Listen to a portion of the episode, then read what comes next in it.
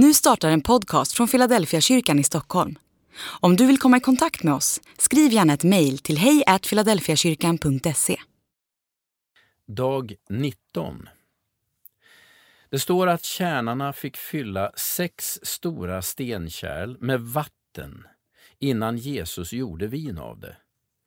Totalt fick de hämta upp 600 liter vatten, vilket motsvarar ungefär 75 10 liters hinkar.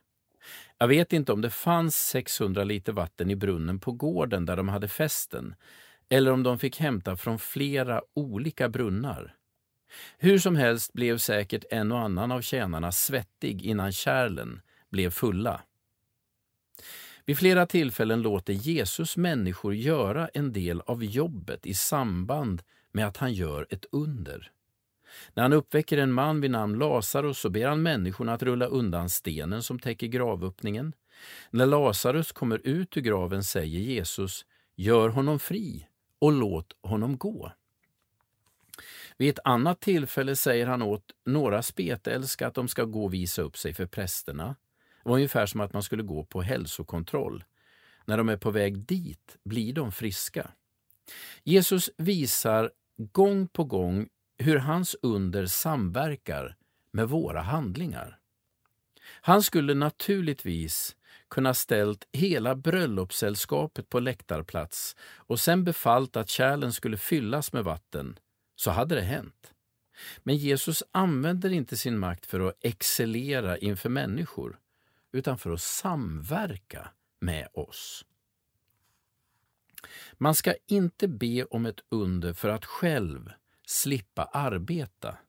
Man ska be om ett under mitt i sitt arbete. Guds under passiviserar inte människor utan förlöser kreativitet och kraft. Det är när tjänarna lyssnar till Jesu ord och handlar efter det som undret sker. Det går inte att säga säkert när det inträffade.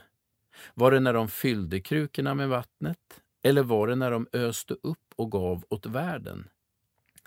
Helt omärkligt skedde ett gudomligt under mitt framför ögonen på hela bröllopsföljet utan att någon riktigt kunde säga hur det gick till.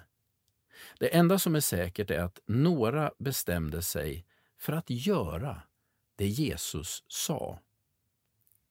Andlig övning Be att Jesus rör vid ditt vardagliga arbete så att du får uppleva hans under i ditt arbete.